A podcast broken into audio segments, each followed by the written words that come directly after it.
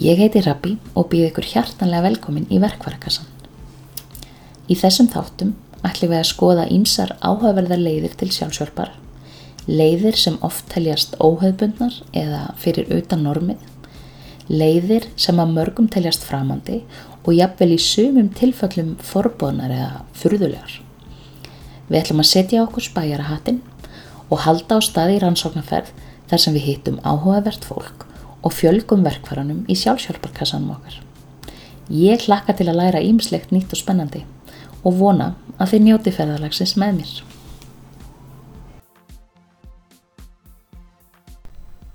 Í þessum tólta þætti verkvarakassans ræði ég við Þormóð Símanusson, rítöfund, tónlistamann, trukkabílstjóra og skóraktabonda svo eitthvað sér talið. Þormóður eða Þorri, eins og hann er kallaður, er fullur af pælingum og fróðleikum lífið og tilvöruna sem gaman er að hlusta á. Við rættum meðal annars um árslanga móturhjólaferðan sem Breitland segir á Skandinavíu til að elda tónlistadraumin, dvöl hans í munkaklaustri í Skotlandi í leita sjálfum sér, bækurnar hans, aðlöðunarablið og margt, margt fleira. Við skulum heyra í Þorra. Þá langar mér kannski bara að fá að byrja á að spyrja þig Hver er Þorri? Já, þetta er góð spurning, ég vonar að fást við hana mörg ár. Já, Ég uh, fættist á Snæfellsinsi, ólst upp í sveit Mhm. og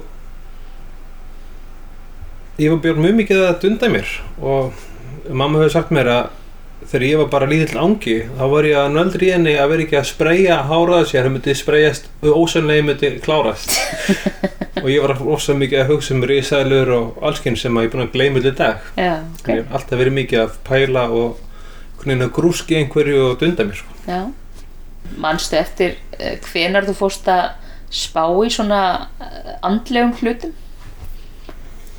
Já, ég ég maður ég var aðeins búin að hugsa um líka um þetta uh, undirfættan daga Já. þegar ég var á leiðinni hingað.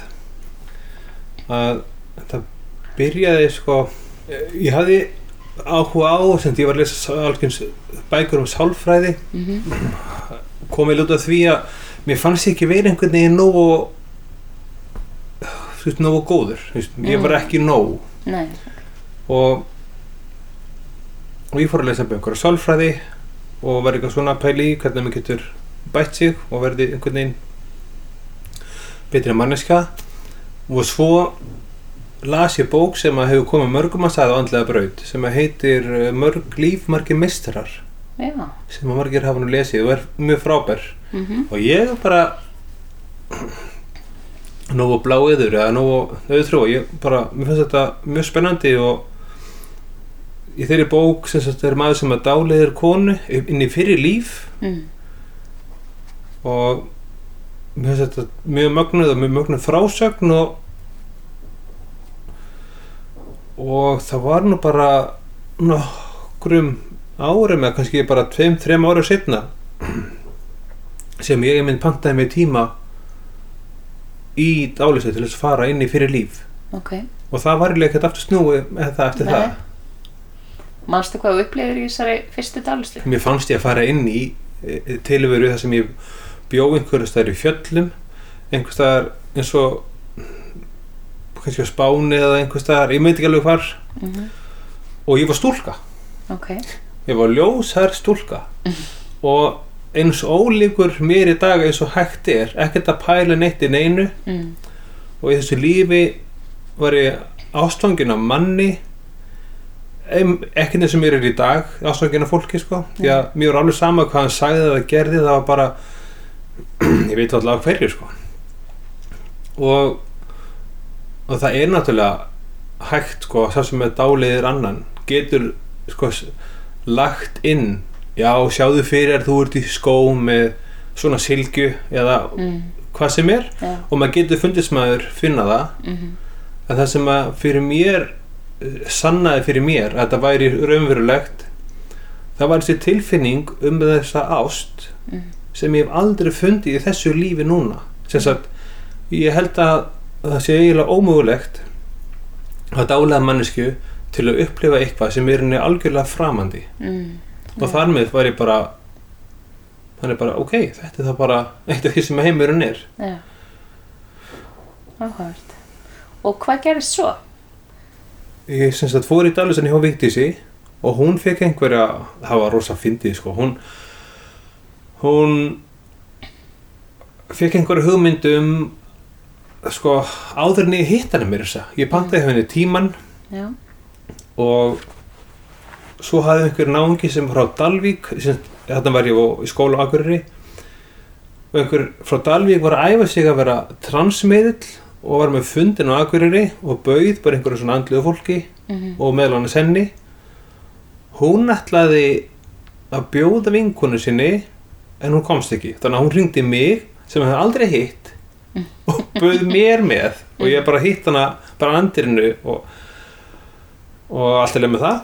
Og svo fórum við og ég ætlaði að setjast bara aftast og einhver þekkti víti sig og bara, nei, heyrðu, komdu hérna fremst sittum hérna fremst. Og við vorum bara fremst að bekk og svo er sko mið, miðlinni miðunni og einhverju setjarar og ég sagði bara í hvað er ég þetta var mjög skrítið. Já. og svo koma þú veist, koma einhverjar manneskjur í eða þú veist, ég veit ekki, andar í setjaran Mm og þú veist, og röddin breytist og mér finnst þetta mjög sérstætt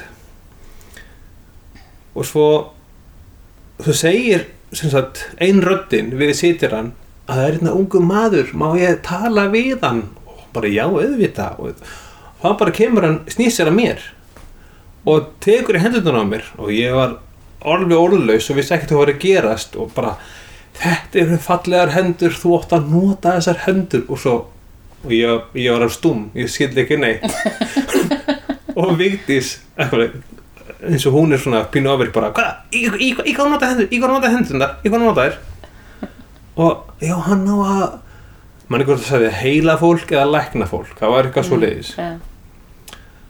þannig að þegar ég var búin í dálesinu að Vigdísi Mm. einhverjum dögum setna þá var hún að byrja að kenna mér heilun Já. og síndi mér hvernig heilun virkar og svo fór ég og lærði reiki heilun Mm. og fór hérna hjá henni e, bara fyrir norðan hjá, hjá Byrna Vestmann og tók alveg þrjú stig í reiki heilun Já. Og hef alltaf bara já, og ég hef núna búin að læra fjórar típur af heilun og ég er búin að læra dálislu og það er eitthvað svona Og markþjálfur, er það ekki? Jú, þetta er þetta er rauninni miskilningur Mm. þetta er mjög algengt bara hjá, það er ekki bara ég maður kynist einhverju sem er sniðut fyrir mann Mm. og þá vill maður bara læra það að gera við aðra því þá munum maður læra svo mikið á því Mm. en það er rauninni miskilningurinn sko. Ok. þannig að ef að markþjálfun er sniðut fyrir mig þá er best fyrir mig að kaupa markþjálfun og fara í markþjálfun Mm. en ekki að læra hana og gera hana við aðra. Nei, þú veist, ef maður heilun er sniðut þá þarf maður að fara í heilun. Mm og svo þegar maður er búin að því þá getur maður, ef maður vill sko, fara að vin- vinna með þetta þannig. Já. Fyrst að vinna í sjálfur sér. já, Mm þetta eru og þetta var þú erum bent á, ég var, var að tala um einhvern hérna, það var einhver frá Ameríku, hann selma markþjálfun og ég bara, já ég er að búin að læra þetta. Og hún sagði bara, það skiptir ekki máli. Þú hefur ekkert að gera með að læra þetta. Þú ert að nota þjónustuna, ekki að Mm. og það, það, er rétt sko. Já. þetta Það er kannski bara sama á við um alla meðferðarlega, bara sálfræðingar þurfa að fara til sálfræðings og já, til að viðhalda sinni geðilsu. Já, og það er náttúrulega er aðferðin. Og þegar að sálfra fólk hefur gegnum áratögina lært sálgreiningu þá er námið sálgreining Mm sem sagt þeir fara sem sálgreiningu alveg í botn og svo fara sálgreina aðra Já, þau eru búin að nota þjónustuna og þá geta þær geta þær setja veitt hana sko. já. En þú ert nú búin að bralla margt uh, á æfinni, þú sést nú ekki neitt afskaplega. Þú ert meðal annars ertu búin að skrifa bækur. Já, ég skrifa þrjár bækur sem hafa komið út Já. Segðu mér aðeins frá, ég hef uh, búin að lesa tvær þeirra um, og mér fannst bókin þín um ferðalagið þitt á mótuhjólinu afar áhugaverð og, og bara skemmtileg og greinlega verið mikið lærdómur sem að fólst í bara þessu ferðalagi og þessu ferðlíðinu. Þú sagt okkur eins frá því? Já, ég fór hérna sko, jú, jú, þetta var mjög skemmtilegt og líka mjög erfitt stundum. Já, og bókin bara svo fyrir áhörundu bókin heitir aftur, Sko, hún heitir Þúsund myndir, miljón minningar. já, Með rosalega bóndið titil því það er engin myndi í bókinni. þetta er bara því reiknistæmi Já. að hérna, að einu myndir er svo þúsund orð já, og ég var að hérna, eitt ára að ferðast og þetta var bara, ég átti bara gamla myndavel og Já. tók þúsund myndir já, ok, þannig að þá hlíti ég eiga miljón minningar já, já, en það er ekki myndir í bókinni já, ég fór sem sagt ég fór fyrst hérna ég fór í skóla í, í söður Englandi. Já, og keipti þessu mótorhjól og keirði og já, var rauninni að þvælast um Norðurlönd og Brillandsegjar í heilt ár á þessu mótorhjóli. Já, með bara tjald með mér og gítaræði minn og, og það var aðalega mjög gaman en það var líka bara mjög erfitt þú veist, ég var ég man eftir, þú veist, skjálfandu og kulda í tjaldi, þú veist, náruðu Þískalandi í rigningu og bara, þú veist, hvað er ég að gera? Þú veist, eitthvað svona. Og stendur í þessari ferða ákveðin stað eða lagður bara upp með ekkert ákveðið og Nei, jú, ég semdi á stað, ég semdi á stað, ég ætlaði að verða, ég ætlaði bara að vera svakalega freg og tónlistamæður og vera bara, þú veist, bara Emilina Torini eða bara Leonard Cohen eða ég veit ekki, þú veist, já, með svoleiðis einhverjar hugmyndir í mér fyrir að ég læra? fór á stað, sko. Hvað varst að læra í Englandi? Ég fór með þess að, ég var að læra skapandi skrif í Emerson College Já, sem er mjög magnaða staður þar sem að fólk er bara lærir um fyrir líf bara samkvæmt námskrá já, ok. og það er bara sérstætt hvernig og þú veist það fer ekki alltaf vel í alla sko Nei, sem við voru bara hann ungi krakkar sem að þetta fór bara mjög aðstæðlega í sumar sko. En og það var bara plan, fyrsta læra er að skrifa á ennsku tjekk með það, svo ætla að fara til Írlands og læra rosalega vel á gítar. Mm. þá er þið bara tilbúin og myndi bara allt einhvern veginn verða frábært. Já, og gekk það eftir? já ekki eins og planið var. En það var eiginlega sko ég já, Leonard Cohen er er rétti minn um og það var rétti minn um átrónu kóðum Mm. alveg tímarulaust og það voru gerðir þættir um hann á rás 1 fyrir mörgum mörgum árum. Um, sem ég var svolítið að hlusta á það sem að var farið yfir og þegar maður hlustar á sagt, þegar maður er að greina fyrir og æfi Leonard Cohen þá er, sko, maður heyra það alveg að það er, það er ekki jafnvægi lífans í, í fyrsta helmingnum af lífans eða fyrsta, ég veit ekki, tveið þriðið eða hvað það er. Já, og það er bara greinlega mikil, það er fullt af mannlíðan og það er óheilbriði og hann er, það er skilnaður og vesen. Mm. svo fer hann og kynnist hérna zen-búdisma já, og einhvern veginn kemst þessu gott jafnvægi sko. ok, sniðugt. Mjög snið. og ég hef búin að vera að pæla í þessu með að fara í klustur Ok, og áðurinn fór á stað þá er ég búin að, og ég hef búin að tala við sko einhvern gæja í kathólsku klustri rétti á Boston. Og ég múti bara koma á það og vera nokkra mánuði að hjálpa mig að gera á sultu. Og hann myndi sækja mig á flugullin já, og svo myndi ég bara fara að þið verið búinn ok, og ég var alveg að í að gera það. Mm. nema svo þegar ég er hérna á móturhjólinu og verðinu búinn með Írland verð svona bara hvað gerist næst? Og bara fór tilbaka til hérna frá Írlandi til, til Skotlands. Þá hafið ég komist að því að það er klöstur þar í Skotlandi. Það er hérna Samja Ling sem hafa nú margir íslendingar farið til Samja Ling já, sem ok, er eitt stærsta klaustur af þessari sko þessari ættkvísla eða lineage. Þessar reglu, já, af þessari reglu sko. Já, og ég var þar í það var bara rétt tæfla mánuður. Mm. og ég var ekkert að panta. Ekkert að gera sultu, ekki að gera sýstin ég kom bara hérna keiraði mótir hjólinu og bara hæ, ég koma og vera og ekki borga neitt? Þau bara eitthvað, "Eh, nei þetta er hinn alltaf að hafa mig frýtt sko því ég myndi bara vinna fyrir hann. Já, já, já, og ég sagði, já ég geti unni, ég geti hjálpa ykkur að gera eitthvað. Það er bara, já þessi hjálpa þér að gera eitthvað þegar borga 10 pund á dag. Ég bara, nú. En svo fekk ég afstátt það var þetta veimið það var hrunið var hérna meðinni var hérna og fyrir svona. Og ég var í hjálpaði með að smíða einhver svona þeir eru með svona hérna lítil svona einsmanns hús Mm. þar sem fólk fer á einhverju eigi út á Holy Island. Mm. Og eru með svona fjögur ára þagnar frádrag.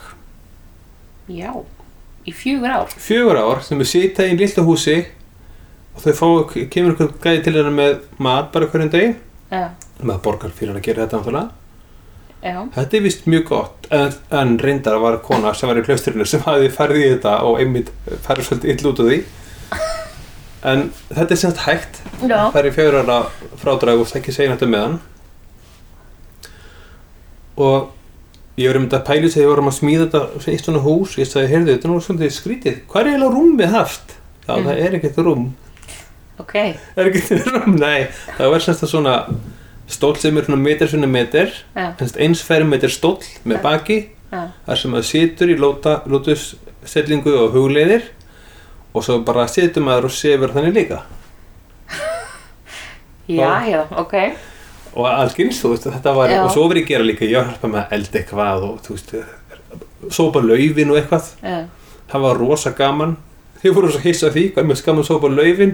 Og ég sagði, ég er frá Íslandi ég var aldrei sópa lauf á þig rosa ekki lauf í staðasveit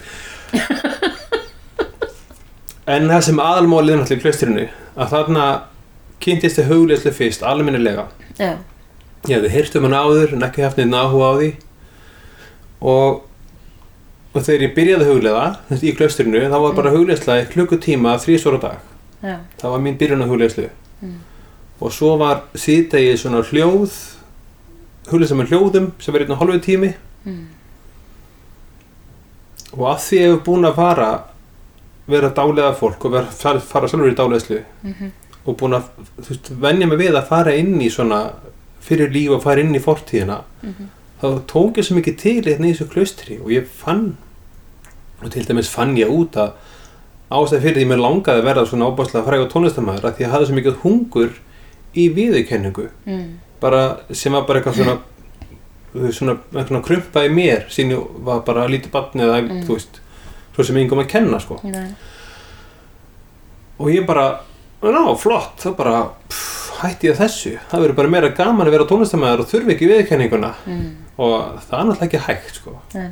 ég bara misti hungrið og núna sko finnst mér þetta bara alveg hræðileg hugmynd að vera Það eru frægur tónlistamæður. að ég menna, já eh, þegar við komum heim sko þá kíktum við á, þá var Dolly Parton með tónleikaferð Norðurlöndin Já, það var bara nýr bær og tónleikar og hverju kvöldi og frí, þú veist, 50 hver dag eða eitthvað já, og ég hugsa bara, ó, þetta er ekki hillandi þessi er bara gaman að rækta tré og svo bara lauf í staðsveg.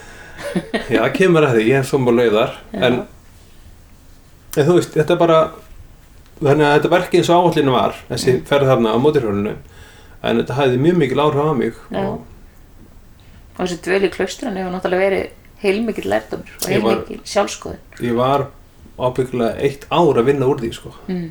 eða meira Já, ég kom heim, sko, ég spilaði alltaf gítar í eitt ár eftir ég kom heim ok.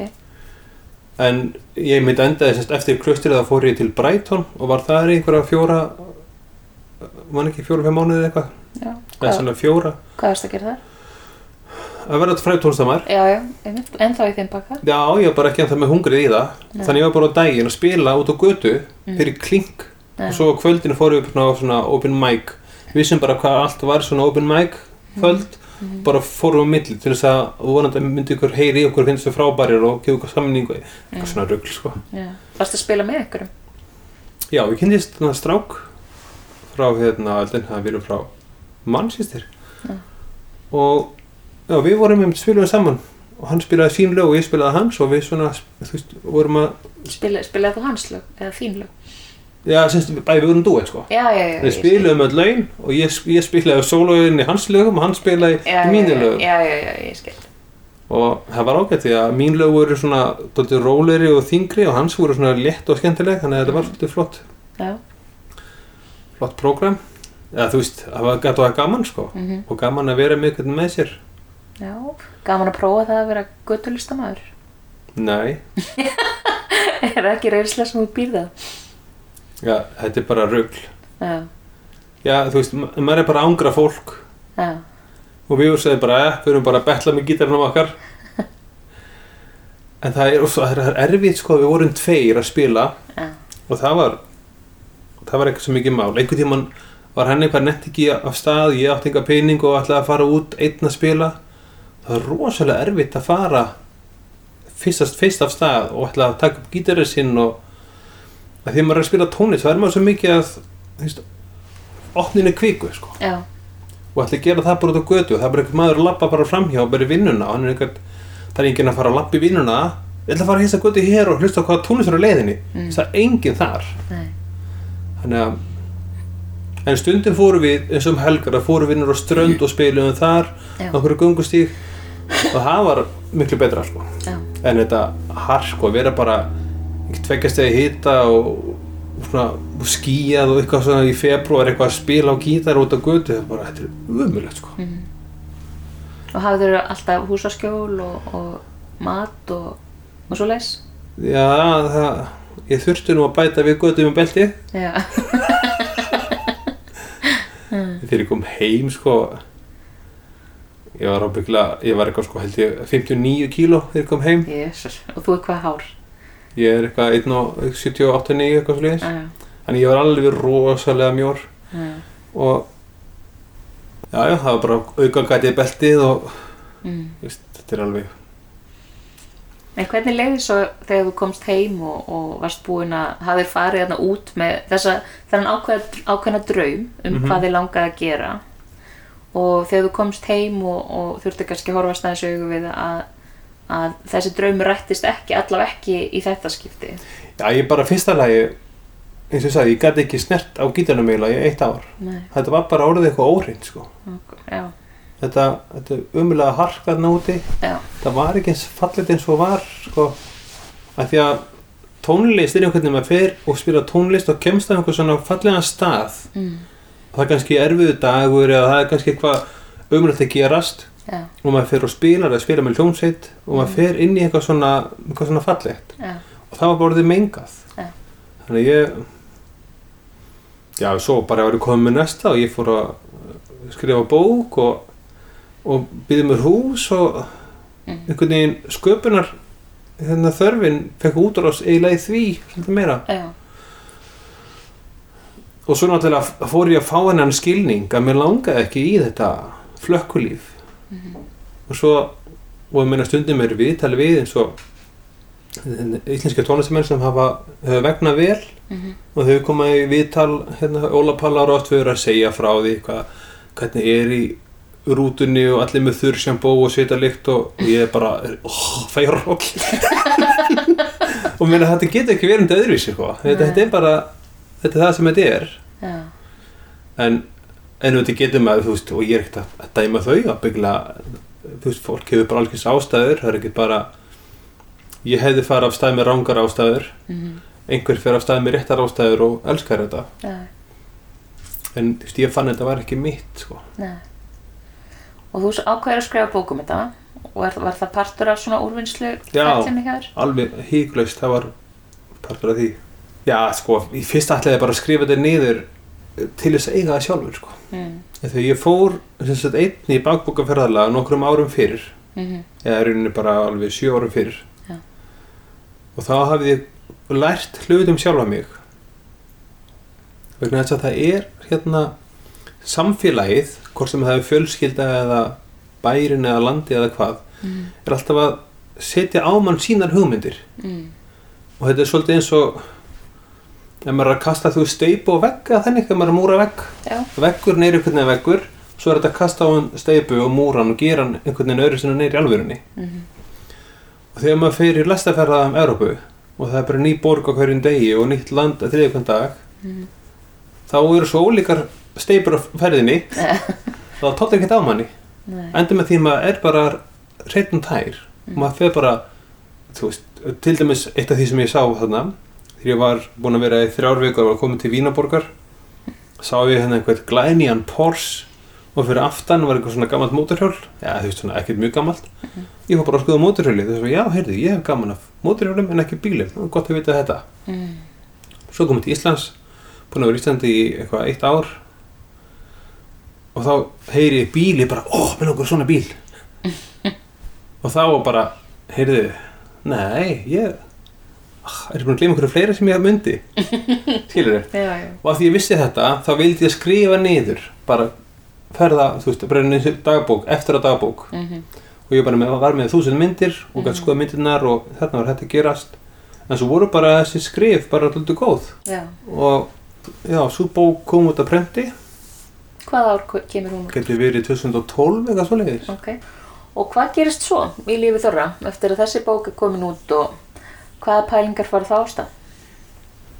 ég, ég kom heim um, það var náttúrulega aðalega bara búin pinningurinn sko og, Mhm.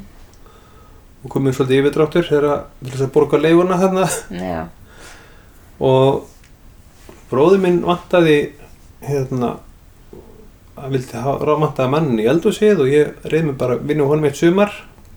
Hann reykur hvers konar fyrirtæki? Hann er með hérna gistús já, og svo var hann veikur. Var lasinn og og hérna og ég þurfti að reka fyrir hann gistúsið ok. Hann ég reyði mig bara sem aðstofamenn í eldhúsinu og svo var ég bara aðstofa framkvæmdastjóri. Og, og var alveg í hann er hérna já og ég var bara komin heim og sagði bara hvað maður að reyna að vera tónlistamæður hérna er, bara, er maður bara fín laun og getur að byggja sér bara hús og, mm. og verið frekar bara íslendingur. Sem betur fyrir hefnaði hann sig og fór bara aftur eitthvað gist úr sér sitt og svo ég egnaði sem svona uh, konu úr Reykjavík og já og það var svona fjarsamband og byggja hús og já, hvað gerðist næst? Þetta er svo, svo ströng. þetta er ós stór spurning Já, þetta er sko að því að það er svo stór partur af, af frásögnur að fatta hvað tilheyrir sögunni og hvað er drastlið. mm. Það er líkillin að því að segja frá og, og þannig. Mm. Eitt af því sem ég fattaði í, í þessu öllu saman er að ef maður leggur af stað á andlega leið eða sko þó maður gera það ekki, er það sagt. Mm. Ef maður bara eldir langarnir sínar já, þá fer maður á andlega leið vegna þess að mann langar að gera eitthvað meira en maður getur. Mhm. það eru allir þannig. Mann langar í eitthvað sem maður þarf að vaksa til þess að gera. Maður þarf að einhvern veginn að maður þarf þá að komast yfir feimni eða maður þarf að komast yfir einhvern ótta eða kvíða maður þarf að hérna leggja baki eitthvað einhvern vöxt. Mm. og það er þannig að sko draumar mann svo langanir er eins og fjarsjóskort að andlega þroska í, Mm. í rauninni sko já og fannst þér eins og að eftir að þú komst heim og segir náttúrulega að þú har lagt frá gítarinn í, í svolítið tíma og svona e, fannstu einhverja nýja drauma sem þið langaði til að fylgja? Já, ég gerði það og það er einmitt held ég mér svo að skrifa það í endan á bókinni Mm. að, eða í byrjuninni eða mann ekki hvernig sko ég er eiginlega búin að láta alltaf drauma æsku mín að rætast. Mm allt sem ég langaði þegar ég var sko inni við tíu ára. Já, þetta er rosalega skemmtilegir þetta er eitthvað svona, kera jærði þetta kera trygg, og það er alltaf einhvern veginn komið. Og þegar maður klárar alltaf þá drauma þá fer maður svona nýtt sett af svona fullorðins draumum. Mm og þeir eru alltaf skemmtilegir. Já, og ég hef pælt mikið í velgengni. Já þegar ég var fyrir norðan þá las ég bók eftir Louise Hay þar sem hún er að tala um þetta Law of Attraction. Hvað varst að læra fyrir norðan? ég var að læra nútímafræði. Já, ok. Ég ætlaði sko að nota þess að háskólum Akureyri var með eitthvað prógramandi í gangi til þess að að því er ekki með sútinspróf mm. þá gera nútímafræði sem að vera hann að kenda menni vera háskólamaður. Já, svo ætlaði að nota þetta sem val árið og vera já, en að því ég hef bara svo mikið á heimspeki. En svo, veginn, ég veit ekki ég var kannski of gamal til þess að fara að því ég var farin að hugsa svo mikið öðruvísi sko. já, ég passa ekki lengur í akademisk samfélag. Nei. Og bara og mér finnst núna sko að heimsbyggingar nútímans það eru bara rítöfundar það er Don Miguel Ruiz og Neil Donald Walsh og þú veist það er alls bara menn sem skrifa bækur fyrir þetta er svona Edgar Tolle líka. Já og bara allskins, allskins hérna rítöfundar en heimsbyggingar í háskólunum þeir eru meira svona að skrifa fyrir heimsbyggingar í háskólunum Já, þeir eru ekki beint að skrifa fyrir almenning. Nei. þannig að ég einhvern veginn já, allavega eins og ég skildi þetta þá. Þannig að ég hafði ekkert rosa áhuga því. Og fór að pæla í þessu fór að pæla svolítið mikið í þessu velgengni og, og hvernig hún virkar svo kom hann að þessi secret mynd þarna út sérna og Mhm. við fórum svona í hvernig, hvernig þetta allt saman virkaði og þetta er náttúrulega partur af andliri leið Mhm. því að sko að vera andlega vera, þetta er ekki annarkvort eða þú veist, maður er ekki annarkvort andlegur eða efnislegur Mhm. maður vill vera heil manneska Já. Þú fórst að lesa bókina eftir Louis L. Hay það var þetta bókin hjálpaðu sjálfum þér. Það heitir á ennsku You Can Heal Your Life. Já. sem segir sko sögu Louis Hay sem er mjög mögnuð. Já. og gefur svo upp aftar svona uppskrift af því hvaða líkamlegi krankleikar tengjast hvaða tilfinningalegum stíplum Já, þannig að það er þetta raunt að tengja líkaleg veikindi við einhvers konar andleg, andlegar, andlega kvilla eða já, já, þannig að hann segir bara þú veist, já, feimni er þetta hérna og hérna, stolt er þetta hérna mm. Þú veist, þannig að uh, já og sem sagt þarna voru að tala um þetta að maður hugsar og, og býr til veruleika sinn og hún er alltaf mjög mikið að fókusera á líkanlegt heilbriði Mhm. og hugsanir Mm og svo er secret myndin að tala um þetta séu hugsanir og peningar Mhm. en og ég bara þú veist, ég var líka bara já, þetta er alveg trúlegt, þetta er sennilega bara rétt líka. Og fór bara að skoða þetta og og því svo að reyka mig á og sumt virkaði ekki alveg og virkaði ekki strax og ég þurfti einhvern veginn að finna út úr þessu. En, en þessi þessi rauninni aðferða nálgun Þetta er sem sagt secret já, þetta, þetta of attraction eða sem sagt, aðlögunar, hvað kallar það? já, ég kalli það aðlöðunar aflið Já. að laða að sér Já, aðlögunaraflið já. Já, þetta er svo nálgun að taka ábyrð á öllu í lífi sínu Mm. og þegar fólk er að segja já, allir, allt gerist af ástæðu, það er ástæð fyrir öllu það er bara ástæð fyrir öllu ef maður tekur ábyrð á því og lærir af því Mm. ef maður fyrir nýja að vera fórnalamb þá er þetta ekkert þá er, þú veist allt merkingarlaust og, og óhefni og, og ræðilegt Þannig í rauninni það sem ert að segja, ef ég skil rétt er að, að hérna, allt sem að kemur fyrir í líf okkar er tækifæri fyrir okkur til þess að draga lærdum hmm, næ, já, jú, jú. Það var það sem þú varst að segja held ég. Já, já, ef maður jú, það er náttúrulega hægt að draga lærdóm vegna þess að maður getur þá sem sagt tekið ábyrð á því og sagt þetta, þetta kallar ég til mín. Hvernig ger ég það? Já, mm, og lært það svo Já. þannig að þannig er það, mhm, er það lærdómur. Já. svo líka eitt sem að mér langar að að því við erum að tala um hérna andlega leið það er eitt sem mér langar að, að, að tala um að því að að ég fór í klaustur mhm, og ég fór í háskólan og það var bent á það fyrir sko eitthvað 2000 og hvað 500 árum eitthvað svo leiðis mm, þá var eitthvað bent á það að meðalvegurinn er bestur. Já. og ég hef hitt fólk á Íslandi þó við búum hérna alveg efst upp á nettinum Mm. ég hef hitt fólk á Íslandi sem segir bara að jörðin er flöt. Ok. þú veist það eru Svona flat earthers eða hvað? Já þeir eru á Íslandi. Þeir eru líka til á Íslandi. Já Ok, þeir eru það. ok. það eru eitthvað 7 miljonir í bandaríkunum og það eru nokkrir á Íslandi. Ok, ábyggilega 700 manns eða eitthvað. Kannski 7000 það er eitthvað svona Já. 1000 þessi og samt erum við bara með miðnæðarsól og sumurinn og allt. Mhm. og því að eitt af því sem ég geri sem að út út úr eitt af því sem ég, ég vil alltaf gera er ég velti fyrir mér hugmyndum sem ég skil ekki eða sem ég er ósamála mm, þú veist þetta, þetta er bara svo smá þjálfun fyrir hausin á mér. Mm. og ég, fyrst er ég kynnt svona manni sem sagði bara jörðinu flöt. Það var eiginlega bara í mánuð bara getur þetta verið satt? Því- ég gæti ekki bara hafna þessu strax ég var að skilja af hverju ég hafna þessu. Já, og svo, veist, svo skildi ég það og, og fyrir mér er nú greinilega hnöttur. Mhm, og einhverjum öðru finnst það vera flöt. Já. og hérna, og, og þannig er það bara.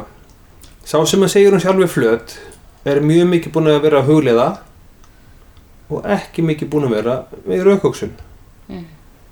Sá sem er búin að vera mjög mikið við raukóksun og ekkert að hugleiða hann eða hún er mjög ofta að segja að heimurinn sé tilvílun við sem hérna óvart Mm. allt getur farið í handaskól og þetta er rauninni svona tómhyggja að, að heimur sé tómur af gildum. Mm, þannig að þarf, þess vegna þurfum við alltaf jafnvægi á raukoksun og innsægi mm, og við þurfum sko þannig að maður þarf alltaf að hafa og já, alveg rétt. Og, og þannig er það að þess vegna þarf maður að hafa jafnvægi í andlera ástundun og efnislegum gæðum. Mm, það er ekkert það er ekkert hérna það hefur verið bent á það að þó maður sé eitthvað mjög gott innsægi og tengslum við sko vendarhengili sinn en alltaf lasin og blankur þá er það ekki auðugt líf sko, það er ekki lífskeiði í því. Nei, maður vill hafa maður vill hafa það sem mann langar að veist, upplifa í lífinu. Og maður vill hafa tengingu við við andlæðin heim. Maður vill hafa tengingu við hérna, við samfélag og fólk og við náttúruna. Og þetta bara, þarf alltaf að vera svona í einhverju flútti já, þannig að við þurfum í rauninni að læra að vera andlegar verur í mennska lífin okkar. Kannski sagt það já, menna mennska lífið er bara núna. Já. við erum með tækifæri hér að búa þessari jörð og það er bara hér sem maður getur kert móturhjól það eru engin móturhjól þú veist, það sem er ekki jörðin sko. nei, nei, þannig að það er eins gott að gera það almennilega. Ef maður vil líka sektbreytti þá er það bara núna. En, en, en þá er mjög mikilvægt að muni þetta með hérna veggin og steipuna að það er heldur ekki það sem ég myndi vilja gera fyrir mig mm, að elda það sem að samfélagi vill að ég geri. Nei, þannig að ég, mitt starf er að finna hvað mig langar og það er ólítið sem eitthvað öðru langar mm þá þarf ég að finna það út sko. En það þarf samt ekkert að þýða að það sem annar velur og annar gerir sé eitthvað vittlusara en það sem þú ert að gera. En það er bara rétt fyrir þig. já. Og ef allir myndu ok, hérna ekki mjög svona með því að fólk má bara ósamóla Mm ef allir myndu finna hvað þá langar -hmm. það verður nóg fyrir alla. Það geta ekki allir átt sko fimm bíla og snekju og skilur þau Mm en ef allir fattar hvað þá langar til þess að eiga og gera þá er það svo lítið að það myndi vera meira nóg fyrir alla er kannski að finna það út hvað fólki rau, raun og veru langar. já, svona raunveruleg löngun Já. en ekki svona samfélagslega löngun Gegn landsmyndar. maður þarf ekki að eiga stærra hjólísi heldur en kallið við hliðin á Mm. þú veist, hugsa þér, kemur bara maðurinn, þú veist, Jón var á móti kemur bara, henninni í hjólísið mitt og maður segir, já, frábært, góða skemmtinu því henni, við erum að vera í tjaldútilega næst með hérna, ég veit skilur Mm. Þú þetta er svo ef við getum bara, myndum bara samkleitast og leifa öðrum að vera öðru sí Mm það er, þetta er brjálæðislega mikill sko, þetta er bara svart og hvítt með það sem er núna sko. Finnst þér við vera svolítið föst í þessu? Að mið okkur við ég annað að fólk? sé ég held að þetta sé bara ekki föst, nei, ekki föst í þessu Nei, ég held að COVID sé losa grúra sig já. það er bara, er, við erum að fara inn á við og þú veist, þetta hefur verið svona trend Mhm. en þetta mun ekki vera það áfram Nei. Hefur trú á að, að heimsmyndin sé eitthvað að breytast? Já, stundum segir fólk að ég hafi fæst 30 árum of seint þegar það heyrir playlist sem vinna eitthvað svona en ég segi bara, ég fætti sko 100 árum of snemma Þú ég hlakka rosa til hvað að gerist næst sko Já. Finnst þér að sé, mikla, sé mikla breytingar í loftinu? Já, heldur betur. Og hvað sér við fyrir þér að sé helst að fara að breytast? þegar maður sé bara eins og þegar maður sér hérna hvernig börn haga sér. Já, þau eru miklu klárar heldur en sem fullorðni. Já, og þegar þau vera fullorðin og fara að ákveða eitthvað ef við getum sleppt í að skemma þeim þá verður bara rosalega munur á öllu Mhm. og þó maður reyni að vera einhvern veginn svona með opin huga og vera einhvern veginn fordómalaus svo bara tala með úrlingana sína það bara, ef maður bara, shit, ég er bara algjör, algjör api það fara karlföskur. já, þú veist, þetta er bara já, það er rosalega svo mikil sko, það er svo mikil umbröðlindi Já, og það er svo mikil svona að taka öðrum eins og þeir eru já. hjá unga fólkinu Mhm. ég held bara, ég held að þetta aldrei verið betra Mhm. en sko þróun er alltaf hægari eftir sem hópur er stærri Já, þetta er bara strax sko að vera einstaklingur eða að vera sko par að það er alltaf hægara þegar maður er par mm. og það verður ennþá hægara þegar það er hópur Já. þannig að þegar maður er einstaklingur og er að segja bara að heimur breytist ekki neitt þá er maður að ta- tala um hann út frá sinni nálgun en sem hópur þá erum við bara að breytast. Já. Hvernig, eða ert þú að nýta uh, svona þessa leyndardóma aðlöðunar aflsins í, í lífinu þínu núna? já, þessi lindadómana Leynd, þessa leyndardóma sem þú á kvöldin og fletti í lindabókinni Þú lótar að skrifa bók um skrifa, já, ég skrifa bókum um þetta. Ég myndi gera það. Og ég er með þarna lindamólið.is en uh, já, ég nota þetta heldur betur. Og það er einmitt mjög magnað. Það er mjög magnað hvernig þetta allt sem að virkar. Þú veist, ég ég heyrði mann sem að hver var það, var hérna það er nú að komið nokkur ár síðan. Mm. fyrirlesari sem að sagðist hafa afþakkað kreppuna hérna 2008 Já, sagði allir voru að bjóða upp á kreppu og ég ætlaði bara að afþakka hana. Og hann fekk svaka góðæri. Já, ok. og ég fannst þetta svo magnað. Og svo núna það hefur búið upp á kreppu í hverjum fréttatíma. Já. allir er að tala um að tala um hérna að bjóða upp á rosalega vandaða kreppu. Og ég er bara, já ég ætla að afþakka þetta. Og það var svo spennandi sko, hvernig gerir maður það, hvernig afþakka maður þetta? Veist, það er gott að hlusta að færi fréttatíma. Já, það er mjög öflugt en til dæmis sko, ég er núna búin að vinna í sko, þrjú og hálft ári við herratónustu já, og bara var það bara gekk bara vel og alveg fína teikjur og allt það. Og svo öllum sagt upp vor. Og uppsennarfræsturinn kláraðist í ágúst og þá fóru margir atvinninsbætur nema ég þurfti að velja úr tveimur vinnum til þess að vinna þér sko. Já, ok. og ég valdi aðra og ég fikk bara ég fikk ennþá meiri tekjur heldur en áður og Mm. einhvern veginn þú veist, já, þannig að ég nút þetta og náttúrulega, en þú veist maður náttúrulega kannski fyrir byrst að tala um eitthvað svona því að það er svo auðvelt að mæla sko, að því peningur er bara eh, einhverja tölur, þú veist, auðvelt að mæla það Ja. en þetta er auðvitað svo miklu meir en það Mhm. og, og það er svo sorglegt til dæmis eins og ég fór einhvern veginn í ísbíltur með fjölskylduna og svo er við í ísbúðinni og þá kemur einhver á bíl sem var sko dýrar heldur en íbúðin okkar Mhm. með barnabötnin í ísbíltúr Mm. og svo opnaði sögurinn og það heyrðist bara öskur og læti og reyfirildi Mm. og þetta er ekki heldur auðlegð sko, hann er ekki jafnvægi á öllum hann er bara, ok, það er hérna næsta rótastöðun, það er pinningurinn er í lægi en það vantar einhverja meiri tengingu og meiri einsægi og meiri tjáningu og Meira hjarta kannski. já, og þetta er ekkert, það er ekkert annað verkefni en hitt, það þarf bara alltaf í lægi Mm. maður þarf að hafa sagt, já, meiri kærleik og hjarta. Maður þarf að hafa m- möguleika á að tjá sig til þess að hafa innsægi og til að hafa tengingu við æðri mátt og þú- og maður þarf að hafa áhugamál og, og vin, vinasambönd og svo leiðis og þarf alltaf að vera bara í, í uppvægi En hvað þá sem trú ekki á æðri mátt? Maður sé ekkert annað til en bara já, við hér. það er það, það er trú líka Mm. og það svo fyndið með það vegna þess að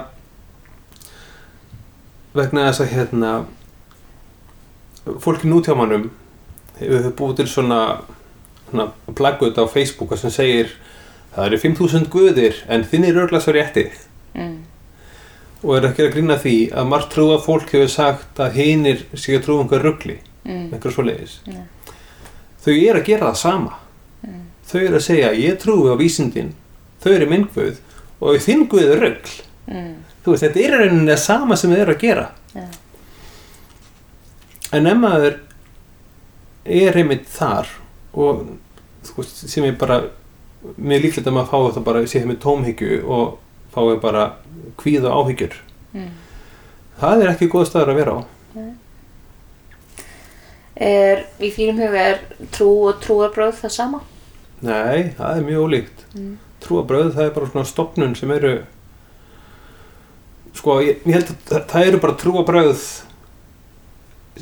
til fyrir hvert fyrir hvert þroska skeið sálar Mm. Skilur, það eru bara það er hópur af fólki sem að líður bara illa og getur farið í sín trúabröð og líði betur Mm. það var bara við um allt Já. á Íslandi eru mjög gamlar sálir og við þólum ekkert trúabröð og svona, svona bákn Mm. en við erum orðið nógu og guðmjöld til þess að við getum bara veist, farið í veist, tala við náttúruna Mm.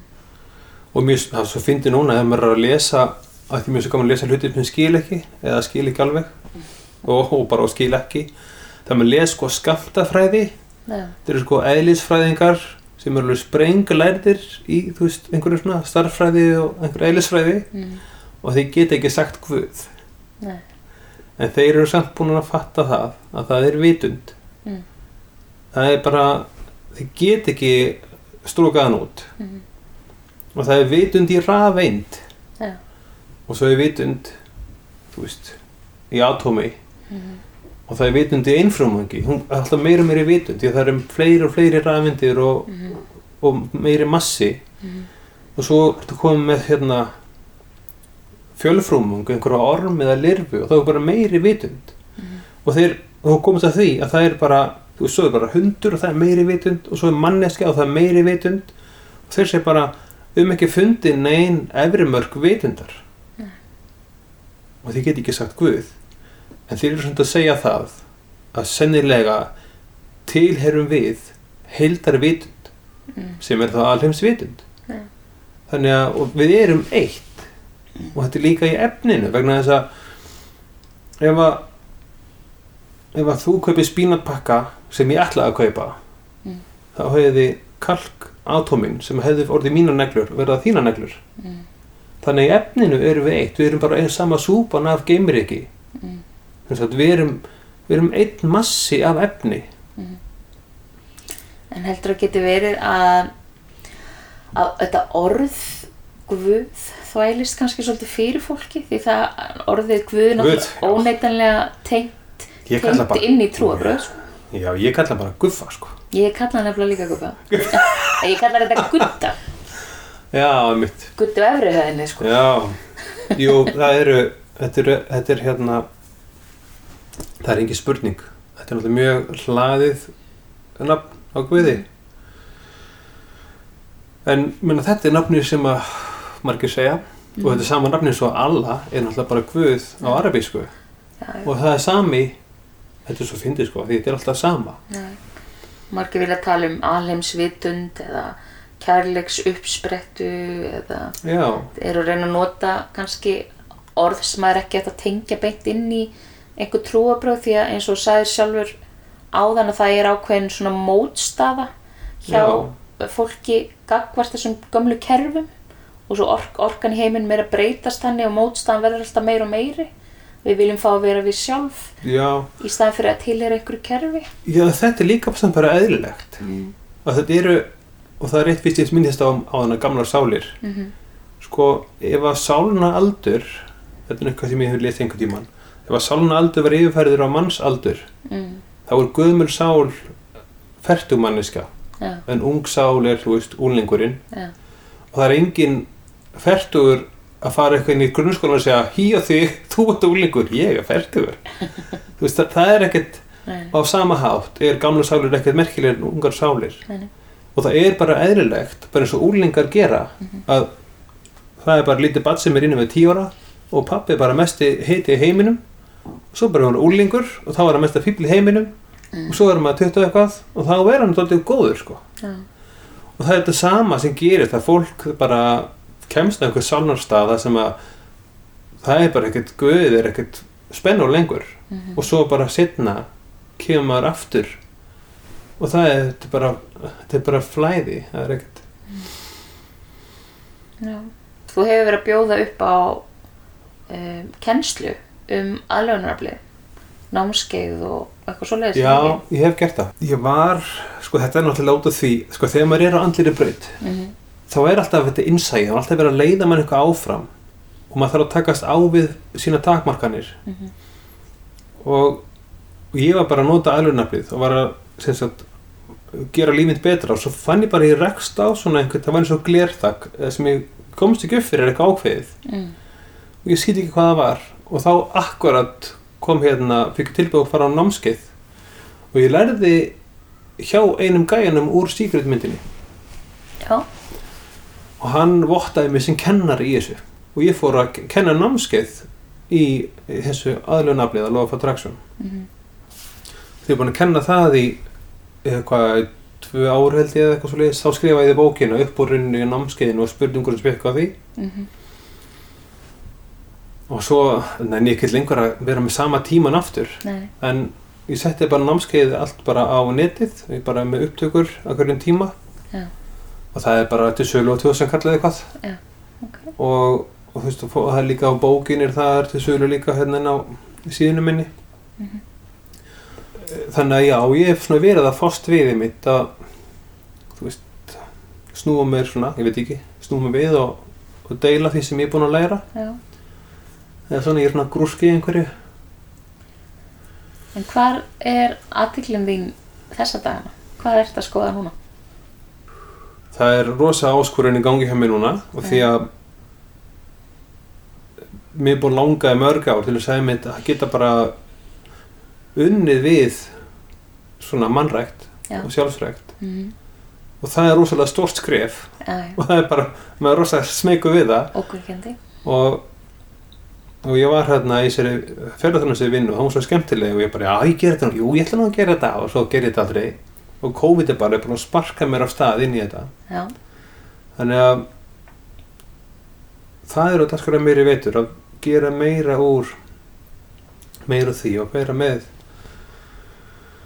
og sem sagt og til að undurbúa það sko þá er ég ég núna myndar er á að læra hugleðslega aðferð sem að frá, frá H.C. Silva Mm. og sem ég er að þá nota til þess að komast á þann stað að ég geti upplefa sem er langar já, vegna þess að að saman hvað mér langar hvort sem er er nýri bíl eða nýtt hús eða stærri fjölskylda eða hvað sem er Mhm. þegar það er komið þá er hluturinn ekki þetta verðmætasta Mhm. heldur breytingur af henni sjálfum Mm. þegar, að- þegar ég er búin að að koma inn á þann stað að ég er skilið að eiga nýjan bíl eða ég er skilið gott hjónaband Mhm. þá er það ómeitalega velmæti Mm. en hjónabandi sem slíkt eða, eða bílinn sem slíkur það er og það er frábært skilur en, en það er einhvern veginn svona það er vöxturinn sem er verðmætið Mm. og vöxturinn kemur þegar maður er allir drauminu Já. Maður gengur veginn sinn, sem maður gengur veginn sinn já. Já. En maður getur nú oft farið í alls konar króka og kima út af þessum vegi Já, og lendi í vesinni. og þá mennir svona að sparka einn og aftur það er einhvern veginn heimur sér um það, hann bara ok, nú þetta er komið gott þá bara stugga við manni Mm. að því maður getur heldur ekki verið eins gert eitthvað það sama og gert það bara endalaust þá bara ma ma við- maður þarf að vaksa Mm og maður þarf að gefa eitthvað af sér annars bara líður mann ekki vel Og kannski ekki hægt að gera alltaf sama hlutin aftur og búast við annari niðurstöðu. já og þetta verður aldrei eins og fyrst sko Mm. Eins og þessu vinni minn sagði um daginn að hérna að pizza er svo góð hann er aldrei eins góð sem fyrsta pizza. Hann, hann sagði, oh, maður stu pizza 67 og eitthvað svona sem hann borðaði ég veit ekki hvað. Og fær aldrei það aftur sko. Nei. en hann langar það samt alltaf. Mhm. þannig að þegar maður gerir eitthvað það er ræðislegt það ekki, maður getur bara gert það bara í smástund svo það maður gera næsta sem er stærra. Mm. Já. En talandi um mat og pítsu Nam. Nú ert þú vegan, vegan, ekki? ég er að plöntifæði, já Þú ert að blöndfæði, já. Já. Hver er svona ástæð, helsta ástæðin fyrir því að þú ákvast það? það er eiginlega smá af öllum þremur ástafanum Mm. dýravelferð, umhverfis áhrif og heilsu farlega áhrif Já. en ég er líka eiginlega komin sko alveg tilbaka eh, eins og bara fyrir 20 árum þá verður ég ofta svona rökraða við hérna græmitsætur, hvað kjöt verður nú bara fínt Ja. og, og fólki sem borðaði kjöt líka er ég fann að rökraði við alla bara eins rosa gaman að rökraði við alla og mér finnst bara að fólk á að geta aflífað það sem maður borðar Mm. Sjálft, já, Já. ja. það þarf ekki að gera það, það þarf að vera til í það já. En ég held núna, sko, og ég er ekki til það lengur. Ég er ekki til í að aflífa dýr. Mhm. Og ég hugsa það, að ég, ég er svona að giska á það. Að ef að fólk þyrfti að aflífa dýr sem ætla að borða, það myndi bara meirhlutin verða vegan bara mjög fljótt, sko. já. Þannig að ég, veist, já, þannig að ég, það er eiginlega þannig. Já, það er mjög áhugavert, áhugaverð pæling, sko. Algjörlega. Að þú þarfst að vera tilbúin að vera sjálfur veiðmaðurinn og aflífa dýrið til þess að, að geta látið onni. Já, sko, bróður minn er veiðmaður Já, og hann er alltaf að drepa ykkur dýr og Mm. glefsa því í sig. já. Og hann borðar fugla og seli og allskins Mm og það er ekkert að því. Nei. Þannig að ef maður bara pælir í því, hvað gerðist? Akkur er kjötstekki á diskunni mínum? Hvað, hvað var til þess? Já. Þannig er svona, ég, þetta er svona, þetta er hluti af því svona að taka ábyrð. Mm. Já, eitt því sem að, að gerðist þá mætti við hérna þessi námskeið sem ég var með. Og þá hitti ég hérna uh, konu var mjög, mjög busy og hún Mm. var alltaf að vinna 18 tíma á dag og ég sagði við hana hvort hún vildi ekki frekar aðeins minga við sér vinnuna og hún segi að ég er búin að prófa að það fer aftur í sama farið Mm. Og ég segi að þá ertu að laða þetta að þér þú ert að koma tíminn á námskeið og læra að laða að þér eitthvað annað heldur en nú þetta að gera núna og ég hafa bara augljóst mál að hún hefði ekki tíminn að koma á námskeið Mm. milli, þú veist, Þegar hún var svo 8 og 10 á þriðudöfum eða hvað þetta var Mm. þannig að eiginlega sko fyrir hana þá setti ég saman sko pakka sem er 40 klukktímar Já. sem er svona enga, enga helgi og hún hefur aldrei komið en hún langar að koma Ok, Hvern, hvernig fyrir þessi enga helgi fram? Hvað, hvað er að gerast það? Já, þetta er, er, þetta er, er fyrir einstakling eða, eða par, ég hef fengið, fengið hjón í það líka. Já, eða geta vinir komið saman? Vinir, já, vinir getur komið saman Já. og, og þá hérna, þá uh, það er komið á staðinn bara að kvöldi til og svo er dálisla morgunin eftir Mhm. fólk er búið að skrifa nefnir á lista allt sem það hefur ángraða og það er bara tilvísun sko Mhm. þannig ef einhver var hérna það getur nafn á mannesku Mhm. og mér er alveg sama hvað það var fólk getur skrifað sjöfambúðir Mhm. þá var sama hvort það var heimþrá eða einhelli sem var í gangi þar Mhm. og svo í morgunin eftir er dálisla og þá les ég upp hennar lista og þegar ég segi sjöfambúðir Mhm. ef að þetta er almennilegt áfall sem er að ángra fólk þá svarar líkaminn Já. þá finnur fólk kannski verk í hné eða í öxl eða einhver staðar Mhm. og það, svo, og það er hreinsað, ég er hreinsað það burt Mhm. og, og les bara hvert atrið þangað til að það er engin svöru lengur Mhm. og svo förum við út í hérna út í náttúruna, neyri fjöru, út á djúbulónsand og og ég nota náttúruna til þess að styrkja þessi, breytingum sem verður Já. og fólk er yfirleitt alveg búið á því sko, hana. þannig að það er bara rólegt kvöld og svo morgurinn eftir er kannski smá markþjálfun til þess að sjá hvað gerist næst þegar fólk er komið á svona góðan stað bara Ok. Þannig að þú ert í rauninni að bjóða upp á þetta, að taka móti fólk í svona, já, í svona hálgert retreat. þetta er retrít þetta er, þetta er þetta enga retrít alveg í, í það sem er Mikið, og það er gisting og það er matur og... Já, þetta er nú, það er nú svona aðeins einmitt, þetta er þetta er svona að útræta með hverjum einum sko. Mhm. og það þarf ekki að vera um helgi endalega, Nei. ef að það passar fyrir þannig að Takk fyrir að bjóða mér að það Bara verður þér góðu og frábært að fá að spjalla eins við þig. Um mjög frjóan hug og, og hérna, svona áhæfurða æfi. Þó hún sé ekki orðið mjög lunga þá. frá hug og anda Frjóan hug og anda. Heyrðu, Já, það Takk hérna fyrir að spjalla við mig. Takk og takk, Gangi vel. takk Þú varst að hlusta á verkvarakassan. Í næsta þætti ætlum við að hitta fannegu stjörnusbygging og fá að heyra meira um þá aldagömlu hefðmanna að lesa í stjörnurnar og heimintunglin. Ég heiti Hrabbi, takk fyrir að hlusta og ég hlaka til að vera með ykkur næst.